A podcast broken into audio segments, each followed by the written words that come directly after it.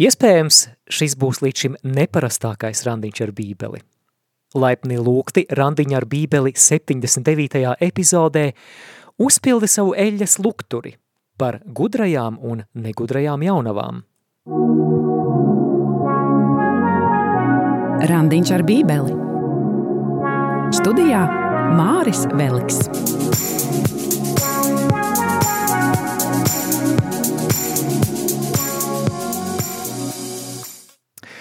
Mīļo klausītāji, mīļo skatītāji sociālajos tīklos, kā ir ar tavu eļas lukturi? Vai eļas attiecībā ar Dievu tev pietiek?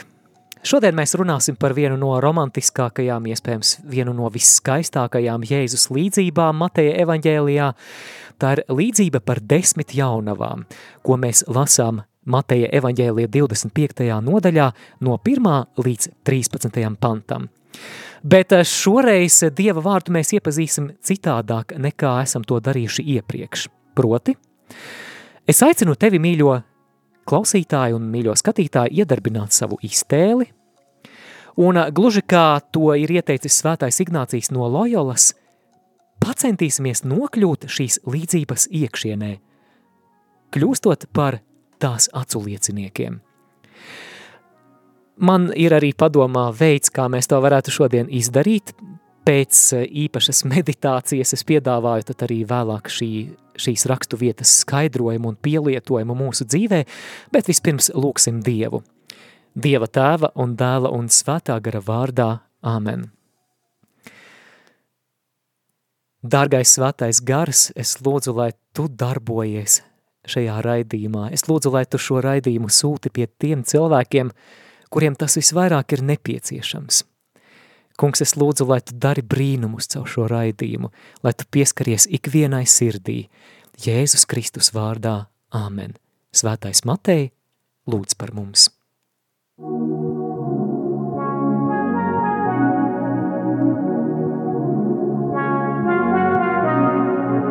Uzmanību! Raidījums vedot klausītāju pa bībeles dzīļu aizraujošajiem līkločiem, kur iespējams vēl nekad nav būts, var izraisīt nopietnu atkarību no privāta randiņa ar svētajiem rakstiem ikdienā.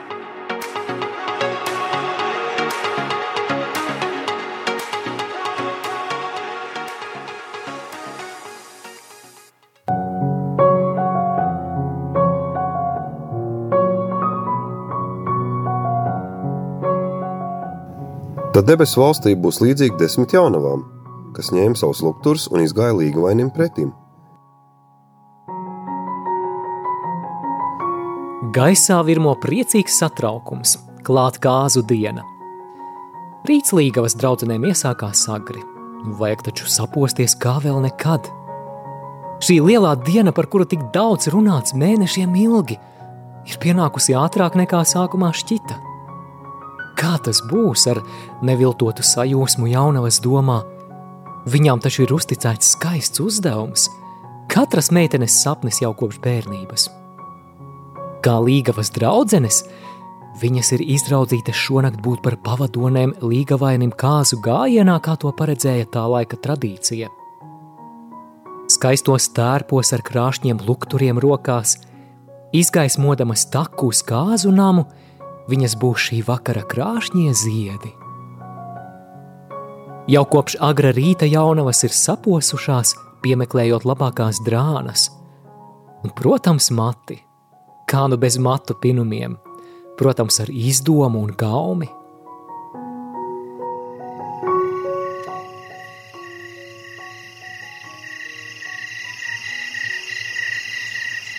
Saule sāk tuvoties rietam, pielējot ielēs ar, ar vien spilgtākām sarkanīgām ugunīgām krāsām. Ir laiks. Jaunavas skaisti tērptas ar lukturiem rokās uzsāk gājienu pa norādīto taku. Kādā brīdī pa to pretī jānāk līgavaini.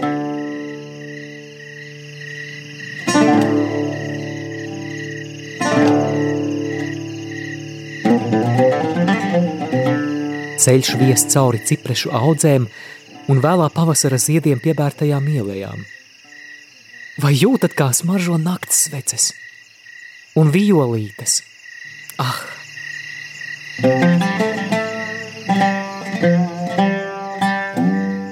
Sāk krēslot. Pie debesīm savus plakstus atver pirmās zvaigznes. Tās noraugās uz zemi, it kā arī dzēn gribētu uzlūkot līga vaini visā tā spožumā – Vakara gaiss kļūst ar vien dzēstrāks. Ir pienācis laiks iedegt lukturus.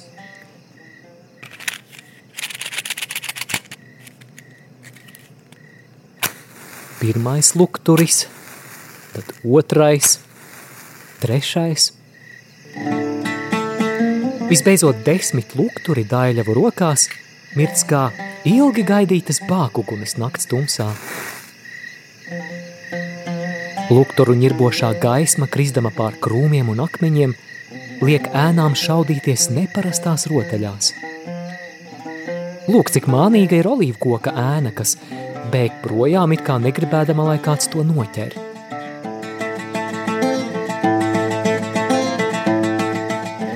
bet piecas no tām bija ģeķīgas un piecas bija gudras, jo ģeķīgās ņēma savus lukturus, bet eļu tās nepaņēma sev līdzi, bet gudrās paņēma sev līdzi ar lukturiem, ar eļu savos traukos. Piecas no meitenēm bez lukturiem katra nes līdzi arī pa nelielai māla krūkai vai metāla kanniņai. Kas tajās ir? Gan jau kaut kas stiprāks pārējās piecas ķiķina. Nē, smejoties atteic kāda no meitenēm, tā taču eļļa. Vēl eļļa bez tās, kas jau ir lukturī? Priekš kam?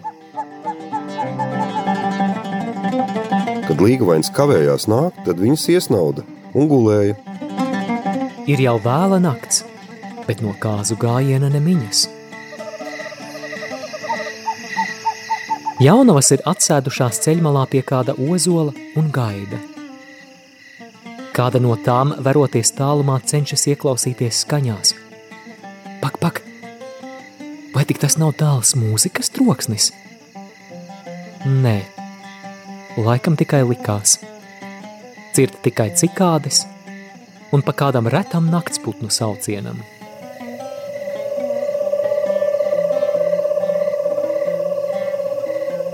Acu plaksti sāka lipt ciet.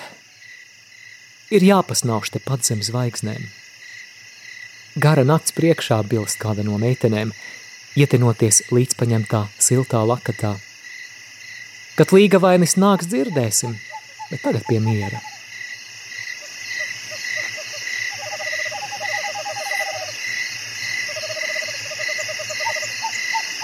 Pēc kāda laika, īsa vai gara, kurš nu to spēja pateikt, viegla vēja brāzma atnes tālas skaņas –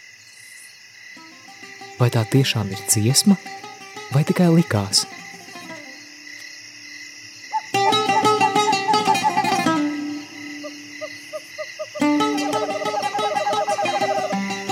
Skaņas kļūst arvien tuvākas un tuvākas, līdz var izšķirt pazīstamas kāzu dziesmas melodiju. Kā cik pa laikam līksmi uzsauc, Re, līga vainis nāk! Jā, tas ir kāzu gājiens, kuram jaunavām drīz būs jāpievienojas. Bet nakts vidū atskanēja sauciens. Redzi, līgavains nāk. Izeita viņam pretīm.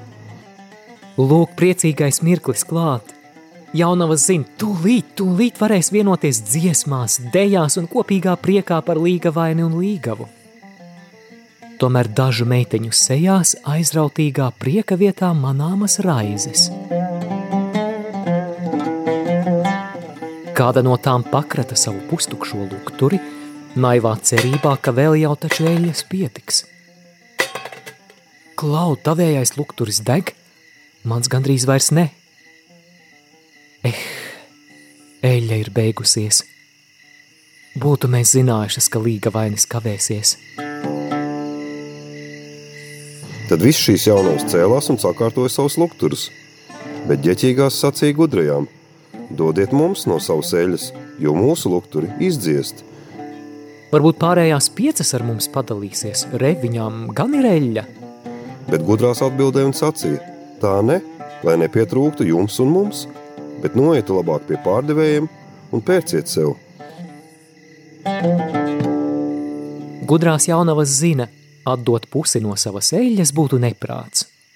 Lukturi tādā gadījumā apdesīs visām vēl pusceļā – Līdz kāzu namam taču vēl gabals, ko iet. Tas nu gan būtu neveikls brīdis līgavainim un līgavai. Bet tepat netālu ir ciems, teica viena no jaunavām, sakārtodama savu lukturi. Ejiet pie tirgotāja un nopērciet sev. Jā, ir gan nakts, bet kas to lai zina, ja klauvēsiet, varbūt bodi atvērs. Pamēģiniet. Bet, kad tās aizgāja pirkt, nāca līgavains, un kas bija gatavs, iegāja ar viņu, kāzās un durvis aizslēdza.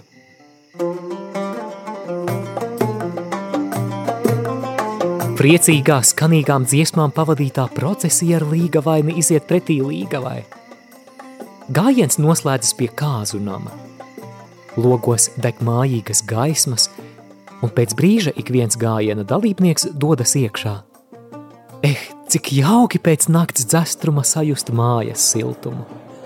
Priecājas gudrās jaunavas, pūšot elpu mazliet nosalušajās plaukstās un tās berzējot. No virtuves plūst gardu ēdienu izsmalcinātie aromāti. Dārgu austrumu garšvielu notis gaisā savies kārdinošā kompozīcijā. Drīz, pavisam drīz viesi varēs remdēt savu izsalkumu, baudot vēl neredzētas delikateses. Lai spēks visām līksmajām aktivitātēm, kas vēl sekos turpinājumā. Kad visi ir pie galda, durvis tiek aizslēgtas. Pēc tam atnāca arī pārējās jaunos un sacīja: Kungs, kungs, atdari mums! Meitenes ir aizelsušās. Ak, gājiens ir nokavēts. Būtu zinājušas, neskrietu pēc eļļas. Un kas steigā ir noticis ar mūsu frizūrām? Ak, vai meitenes vairs neizskatos pēc ķēma? Nekas, pievienosimies svinībām. Labāk vēlāk nekā nekad. Viena no viņām joprojām aizelsusies pēc izmisīgā skrējiena naktī, pieklauvē pie koka durvīm. Aiz tām mazliet pieslāpēti skan mūzika un dzirdamas jautras ļaužu čalas, bet atbildes nav. Kāda no meitenēm klauvē vēlreiz, šoreiz jau skaļāk. Tikmēr citas, samērcēdamas savas kleitas rasā, iebrina apstādījumos, lai tiktu tuvāk kāzu nama logiem. Varbūt mūs pamanīs. Galda pārzinis cauri mūzikas troksnim izdzird kaut ko līdzīgu būkšķiem. Sirmais kungs izslīd cauri ļaužu burzmai un atvēris vienu no logiem izbāž galvu dzestrajā nakts tumsā. Ak, jau! Tur ir piecas meitenes ar lukturiem. Vecais vīrs ir pārsteigts – Kas tās tādas ir? Mēs esam ieradušās uz kāzām. Atvērsiet, lūdzu! Es neko nezinu. Vienu mirklīti atbild pārzinis un ienirst svinētāju pūlī. Paiet vairākas minūtes, kuras meitenēm šķiet kā mūžība. Sirmais kungs atgriežas pie loga kopā ar pašu līgavaini, kurš šķiet jūtas iztraucēts, bet par negaidītajām viešņām šķiet pārsteigts nemazāk kā pats galda pārzinis. Palūkojies ārā, līgavainis smagi nopūšas. Bet tas atbildēja un sacīja: Patiesi es jums saku, es jūs nepazīstu. Loks tiek aizvērts, un iekšpusē mūzikas instrumentu pavadīta atskan jauna dziesma.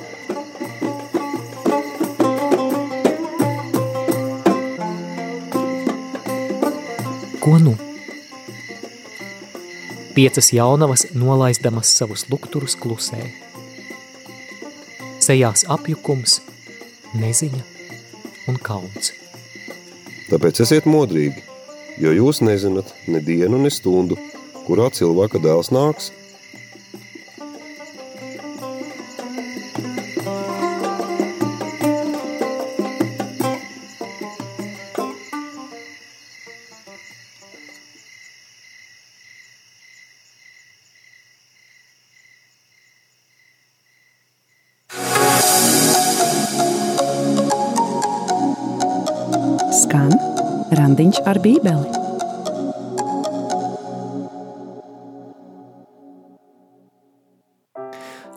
šādu meditāciju par šo līdzību man ir izdevies uztapināt šonedēļ, tātad līdzība par desmit jaunavām, ko mēs lasām Mateja evaņģēlijā no tātad 25. nodaļā no 1. līdz 13. pantam.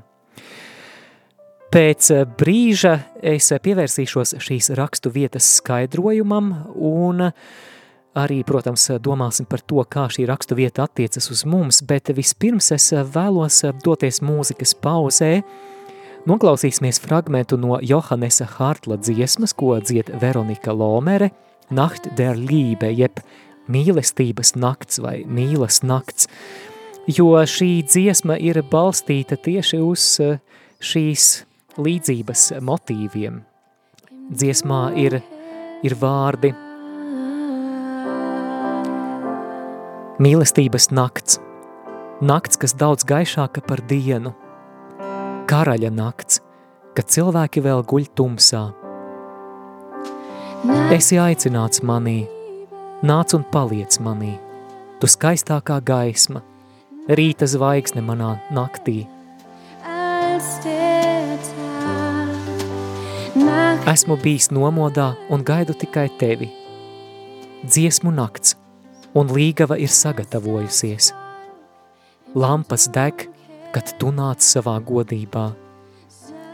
Esi aicināts manī, nāc un paliec ar mani. Komm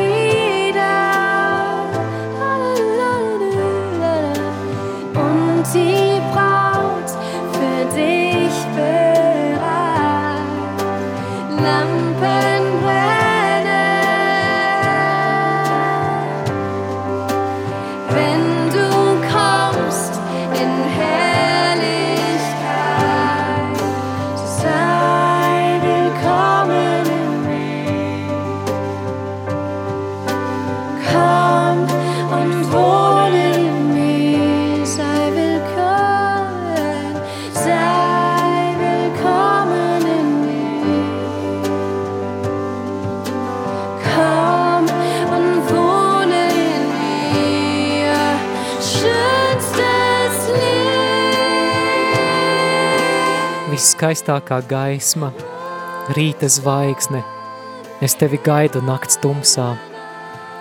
Mana lampa ir iedegta, mans lukturis liesmo, un es tevi gaidu, kungs. Tā dziet Veronika Lomere no Augsburgas lūkšanu nama. Dziesmas autors ir Johannes Hartls, daudziem šeit Latvijā pazīstams. Bet es vēlos turpināt ar rakstu vietas skaidrojumu. Un tad, nu, mēģināsim skatīties, kā šī rakstu vieta, kas, manuprāt, ir viena no viskaistākajām rakstu vietām Mateja evaņģēlijā, kā tā attiecas uz mūsu dzīvi. Randiņš ar bībeli. Savedējs Māris Veliks.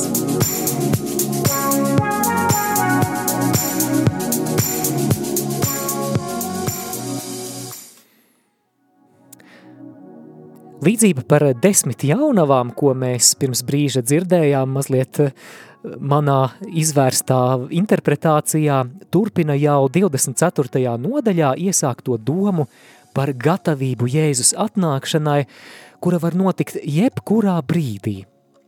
Mēģināsim saprast, kas šajā līdzībā ir kas. Vispirms, kas ir desmit jaunavas? Vispirms sākšu ar interesantu faktu, ka Interesanti, jūdu tradīcijā desmitnieks bija ticīgo sapulces simbols. Piemēram, lai sinagogā varētu notikt dievkalpojums, bija nepieciešami vismaz desmit cilvēki. Savukārt tagad jaunajā derībā desmit jaunavas simbolizē dieva tautu, jeb baznīcu. Tātad tas nozīmē, ka desmit jaunavas esam mēs. Tu klausītāji, tu brāli, tu māsa un arī es, protams. Kas ir līgavainis? Līgavainis, kā jau tu nojaut, ir Jēzus. Jēzus, kura atnākšanas brīdi nevar prognozēt. Arī kāzu svinībām šeit ir simboliska nozīme. Kāzu svinības ir mūžīgā svētlaime, vai tas, ko baznīca tēvi sauc par svētlaimīgo redzēšanu. Mūžīgā svētlaime kopā ar Dievu. Bet ko no šī vārda mēs varam secināt? Pirmā lieta. Interesanti, ka piederība Dieva tautai jeb baznīcai automātiski negarantē ienākšanu mūžīgajā svētlaimē. Vēlreiz, piederība Dieva tautai jeb baznīcai automātiski negarantē ienākšanu mūžīgajā svētlaimē. Jā, tu vari būt bērnībā nokristīts, tu vari būt katolis vai piederēt jebkurai citai kristīgai konfesijai, bet galu galā tu vari palikt pie slēgtām durvīm. Jā, tava vecmāmiņa varbūt ir bijusi ļoti, ļoti ticīga, varbūt arī dažreiz lielajos svētkos tu pat aizēji uz baznīcu. Un domā tātad ar mani viss ir kārtībā. Un tomēr beigu beigās paliec pie slēgtām durvīm. Tātad piederība Dieva tautai baznīcai automātiski negarantē ienākšanu mūžīgajā svētlaimē. Jo šajā līdzībā mēs eh, lasījām par piecām jaunavām, kurām ienākšana kāzu svinībās bija liekta. Varētu jautāt, vai šīs jaunavas nebija aicinātas kāzās? Protams, ka bija. Vai tad viņas nepazina līga vaini? Protams, ka pazina. Vai tad viņām nebija lukturu rokās? Bija lukturi. Un tomēr Jēzus viņām saka, es jūs nepazīstu. Un kāda tad ir atšķirība starp negudrajām jaunavām, kuras paliek zaudētājos, un gudrajām jaunavām, kuras ienāk mūžīgās svētlaimes vietā, kunga kāzu namā? Runa ir par eļļu. Runa ir par eļļu. Negudrajām jaunavām trūkst eļļas, savukārt gudrajām jaunavām eļļas pietiek. Un zini, kas ir eļļa? Eļļa ir viens no svētā gara simboliem.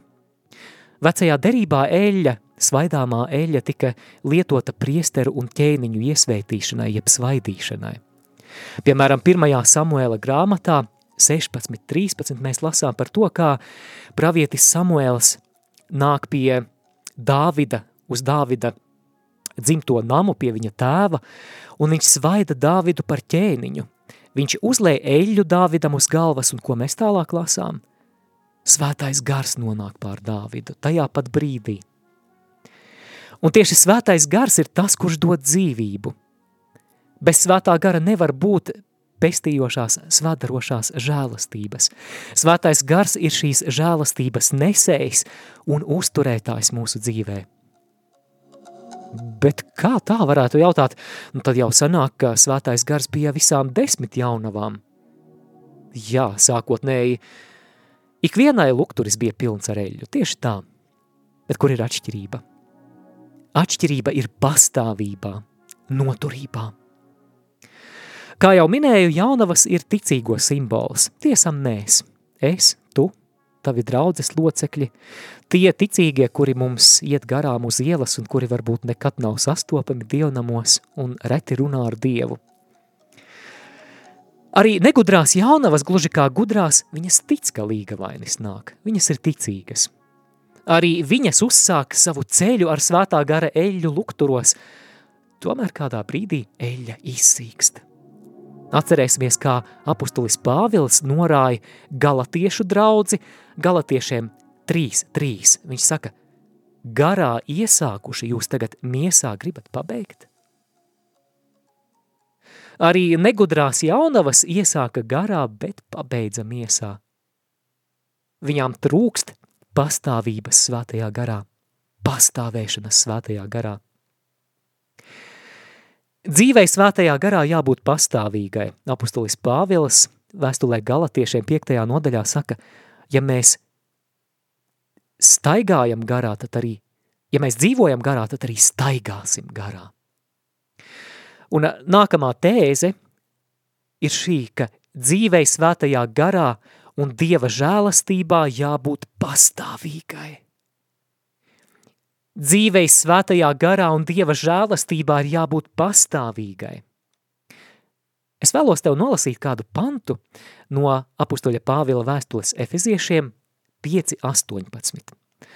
Pāvils saka, un neapreibinieties ar vīnu no kā ceļas izlaidīga dzīve, bet topiet gara pilni.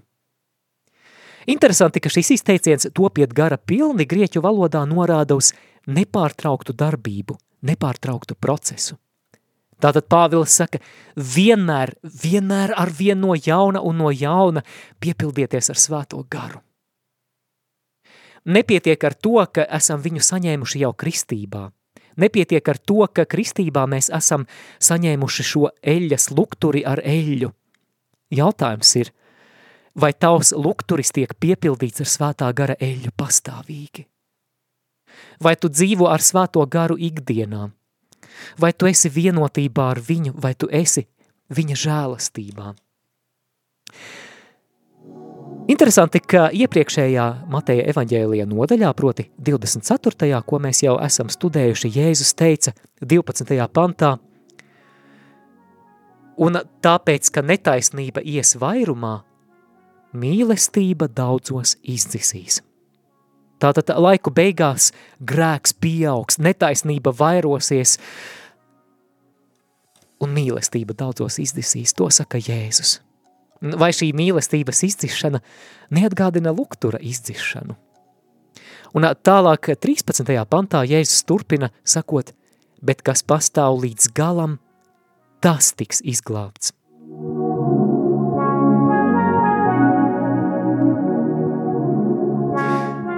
Šīs gudrās jaunavas ir ticīgie, kas pastāv līdz galam. Tas eh, nenozīmē, ka, ka tie ir perfekti kristieši. Tas nenozīmē, ka šie ticīgie nekad nekrīt grēkā. Krīt kā mēs visi. Taču atšķirība ir tajā, ka viņi grēkā nepaliek. Viņi nožēlo, un viņi atgriežas Dieva žēlastībā. Tie dzīvo svētajā garā, Dieva svadarošajā žēlastībā, tie dzīvo mīlestībā uz Dievu un tuvāko, lūk, kas raksturo šos kristiešus. Un interesanti, ka šī mīlestība uz Dievu un tuvāko, kā viņa izplau, izpaužās, tā pārplūst labos darbos.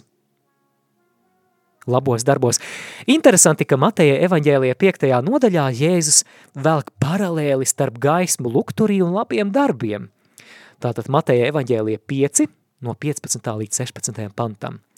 Sveci iededzinājis, neviens to neliek zem pūra, bet lukturī tad tā spīd visiem, kas ir namā. Tāpat, lai jūsu gaisma spīd ļaušu priekšā, ka tie ierauga jūsu labos, ko? Labos darbus un godā jūsu tēvu, kas ir debesīs. Tātad, ja netrūkst svētā gara žēlastības eļas ticīgā dzīve, šī eļa pārplūst labos darbos, un šie labie darbi pagodina tēvu, kurš ir debesīs. Mīļo klausītāji, ja tev, ja tev ir kādi komentāri vai, vai pašam pārdomas, vai kas tevi uzrunāja šajā raidījumā, droši iesaisties ēterā. Iesaisties ēterā, zvanot uz studijas tālruni 67 969 131 vai rakstot īsiņu uz numuru 266 77 272. Izmanto arī e-pasta iespēju studija at rml.lv.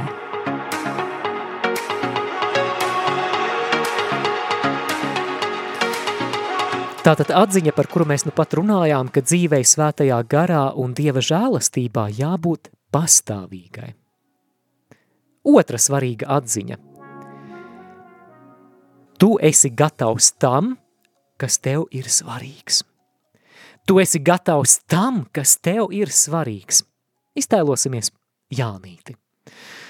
Ja Jānītim piezvana kurjers, kurš ir atvedis internetā pasūtītu jaunu telefonu, Jānītis noskries lejā pidžamā, nesaķemmējies, neiztīrīs zobus, pat īsti varbūt eh, nepaskatīsies uz kurjeru, jo jaunais telefons viņam ir svarīgāks par pašu kurjeru. O, bet ja nu Jānītim piezvana Anniņa, nu tad ir cita lieta. Anniņa piezvana un saka, ka ir tepat netālu, negribi kaut kur aiziet iedzert kafiju. Jānītis sagatavojas, Jānītis sapošas, Jānītis iztīra zobus, uzvelk labākās drēbes, iesmaržojas ar franču smaržām un dodas Anniņu satikt. Kāpēc? Anniņa viņam ir svarīga, viņš mīl Anniņu. Tu esi gatavs tam, kas tev ir svarīgs. Un zini, kad cilvēks ir gatavs satikt Jēzu, tad, kad Jēzus šim cilvēkam ir svarīgs. Jā, ja Jēzus cilvēkam nav svarīgs, tad būs daudzas, daudzas citas prioritātes un nebūs laika luktura papildināšanai ar svētā gara eļļu, jo ir jau cits, ko darīt. Šāds ir cilvēks, par kuru mēs runājām studējot iepriekšējo 24. Mateja evaņģēlija nodaļu. Tātad tas ir cilvēks, kuram ir ilūzija, nu ir jau taču laiks. Tagad ir laiks citām lietām. Gan jau vēlāk visu ar Dievu sakārtošu, varbūt pensijas gados – pienāk pensijas gadi, un viņš saka, nu gan jau pirms nāves nokārtošu. Kad nāve tuk tuk pieklauvē pie durvīm, viņš vairs nevar atrast savu lukturi. Tātad tu esi gatavs tam, kas tev ir svarīgs.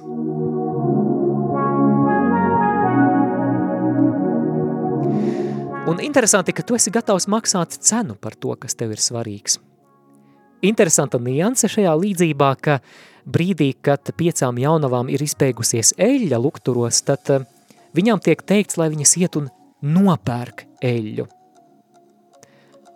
Tātad eh, ir kāda cena, ko, ko ir vērts maksāt par to, lai eļļas mums netrūktu. Protams, ka Dieva žēlastība un svētais gars mums tiek dāvāti par brīvu.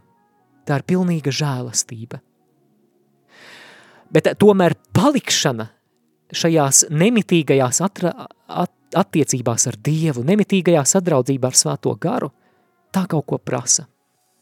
Un cena var būt šāda – lūkšana, izlīkšanas sakraments, vienošanās ar Jēzu Euharistijā, svēto rakstu lasīšana, uzturēšanās kristīgā sadraudzībā jeb kopienā, tuvāk mīlestības darbi – cīņa pret grēku savā dzīvē, liecība par Jēzu.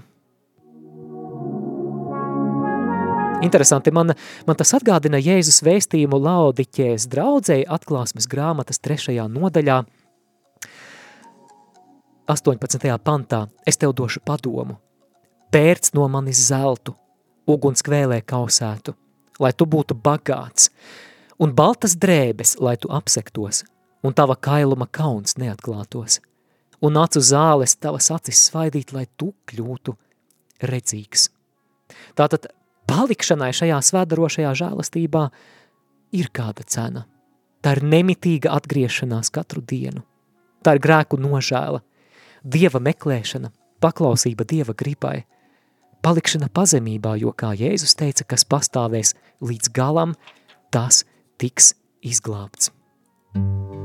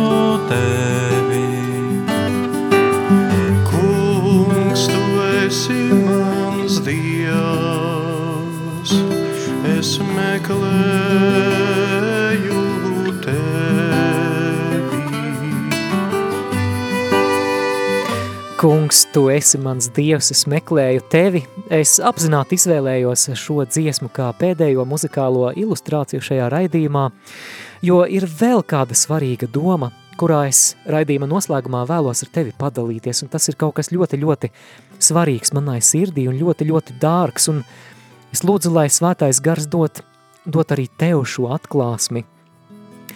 Mēs nu pat runājām par to, ka, ka tu esi gatavs tam, kas tev ir svarīgs. Bet ir vēl kāda patiesība.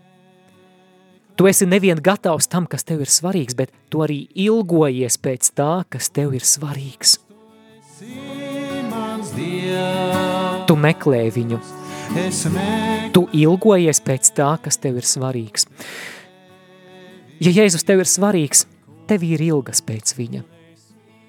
Un eh, man personiski šī līdzība par desmit jaunavām jau sen ir saistījusies ar ilgām pēc Jēzus, ar Jēzus gaidīšanu. Man tā atgādina par lūkšanu, kurā mums vairs nevajag neko citu, kā tikai pašu Jēzu. Tā ir nomoda nakts, vienkārši tāpēc, ka ir kāds, kuru tik ļoti mīlam, ka izvēlamies gaidīt, gaidīt lūkšanā. Un mana lūkšana ir, lai Dievs caur šo raidījumu pamudina, pamodina ikvienā klausītāja un manī pašā dziļas, dziļas alkas pēc viņa tuvības. Kungs, es meklēju tevi. Man tevi vajag.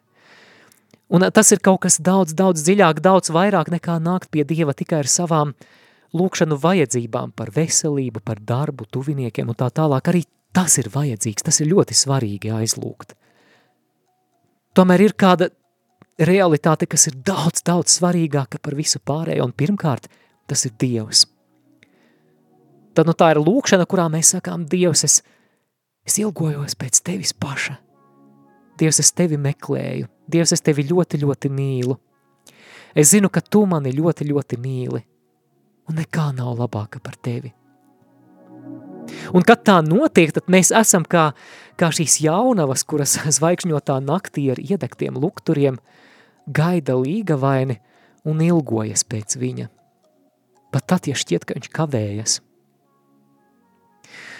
lai iedvesmotu mūs katru šo Dieva gaidīšanu, lūkšanā, uz šīm personiskajām attiecībām ar Jēzus, šo tuvību uz intimitāti ar Dievu.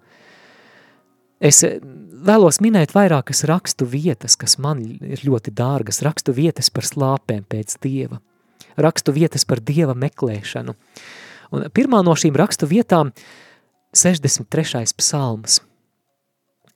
Kungs, tu esi mans Dievs, es meklēju tevi. Pēc tevis slāpst mana dvēsele. Pēc tevis tvīkst mana miesa kā sausa un izkaltusi zeme, kur nav ūdens.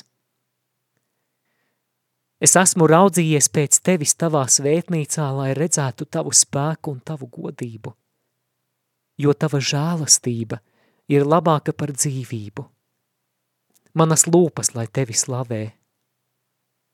Tā es tevi teikšu visu mūžu – tavā vārdā pacelšu savas rokas. Kā ar taukumiem un gardumiem ir pamielota mana dvēsele, un mana mute daudzina tevi ar gaviļu pilnām lūpām, kad es tevi pieminu apguldamies un par tevi domāju uzmosdamies. Tu esi bijis mans palīgs un tavu spārnu ēnā es līksmojos. Mana dvēsele tev pieķeras – tava labā roka mani tur.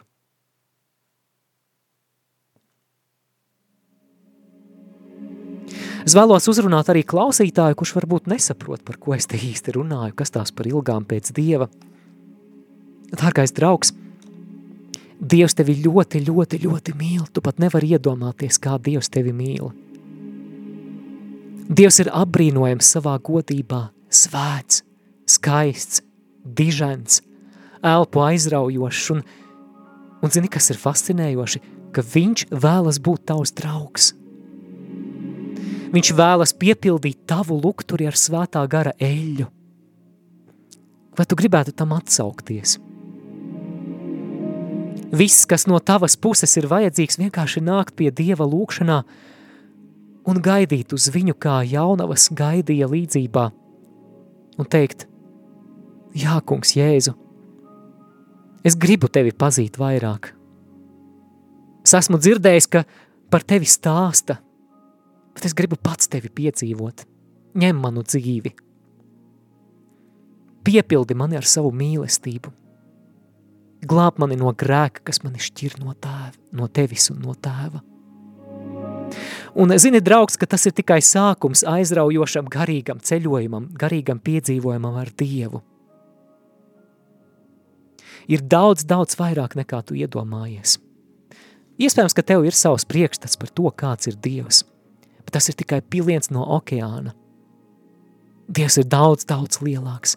Dievs ir reāls, Dievs ir dzīvs, Dievs ir bezgalīgs, Dievs ir aizraujošs, Dievs ir fascinējošs.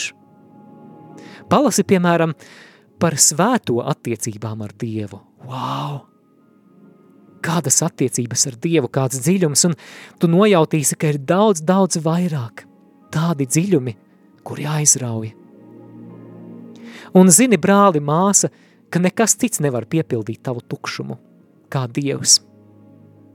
Jā, ir daudz labu lietu šajā pasaulē, kas var mūs iepriecināt, mūsu tuvinieki, līdzcilvēki, hobiji un tā tālāk, bet tomēr vienmēr paliks kāds dziļāks dvēseles nostūris, kur iekļūt spēja un ko piepildīt spēja tikai un vienīgi Dievs.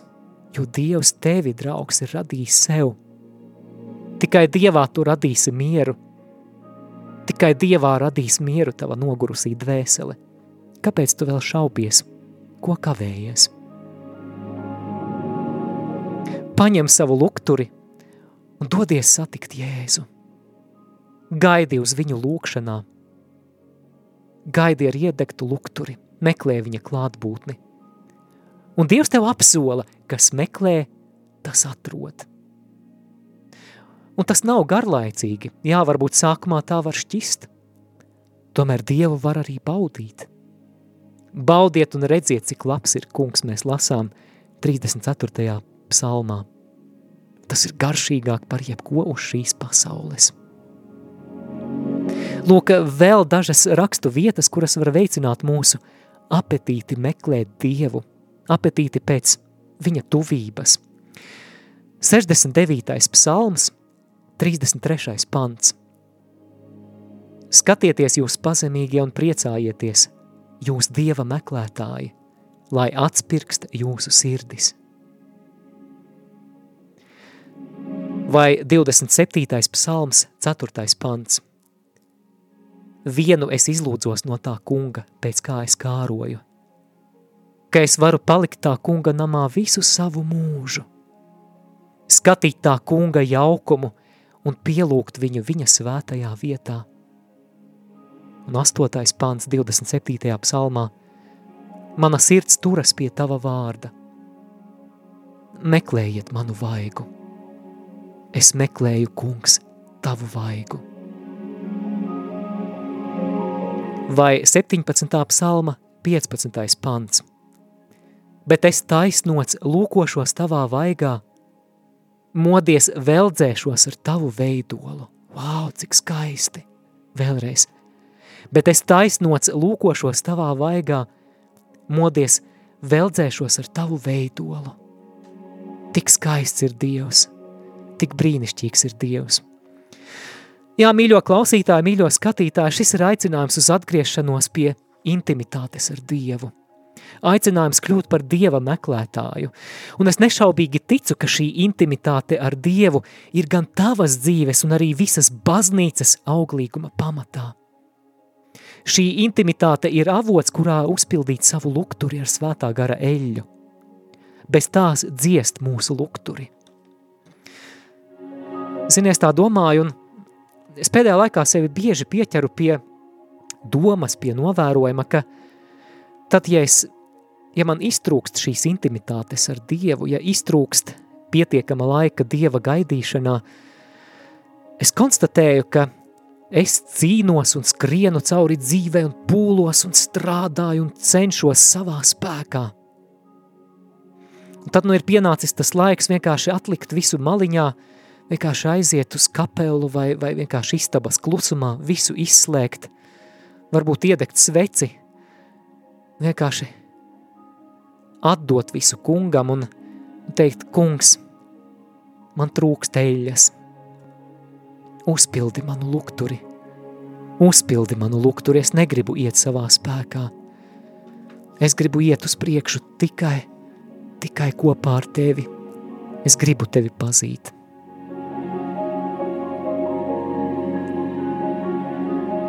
Un raidījuma noslēgumā es vēlos pamudināt uz personisku lūkšanas brīdi, kad tev ir iespēja, varbūt šajā nedēļas nogalē, vai kad tev ir iespēja – kad tu pamēģini lūkšanā iet dziļāk, atvēli Dieva meklēšanai, piemēram, kādu stundu, lai cik tas radikāli neizklausītos, jā, kādu stundu, un veltīšo stundu paša Dieva meklēšanai.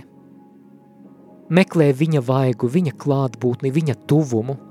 Esi kā jaunava, kas nakts tumsā gaidi līga vaini. Meklē viņu, un tu vari pat Dievam neko neteikt. To mēs saucam par iekšējo lūkšanu, kad tu vienkārši nāc Dieva priekšā, tu pat vari ar viņu nerunāt. Tu vari sēdēt adorācijas kapelā vai savā virtuvē vai istabā, apzināties, ka šeit ir Dievs un viņš tevi ļoti, ļoti mīl, un tepat vārdi nav vajadzīgi. Vienkārši izbaudi viņa tuvumu izbaudi viņa tuvumu, nogaršo, cik labs ir Dievs, nogaršo, cik labs ir Dievs.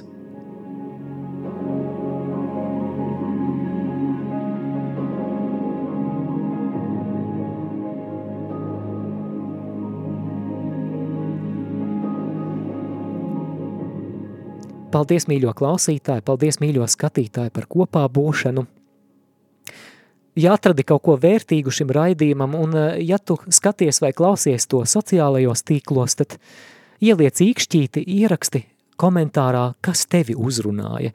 Ieraksti kādu atziņu komentārā, jo tas palīdzēs radio Marijas saturam nokļūt pie tiem cilvēkiem, kuri ikdienā radio neklausās.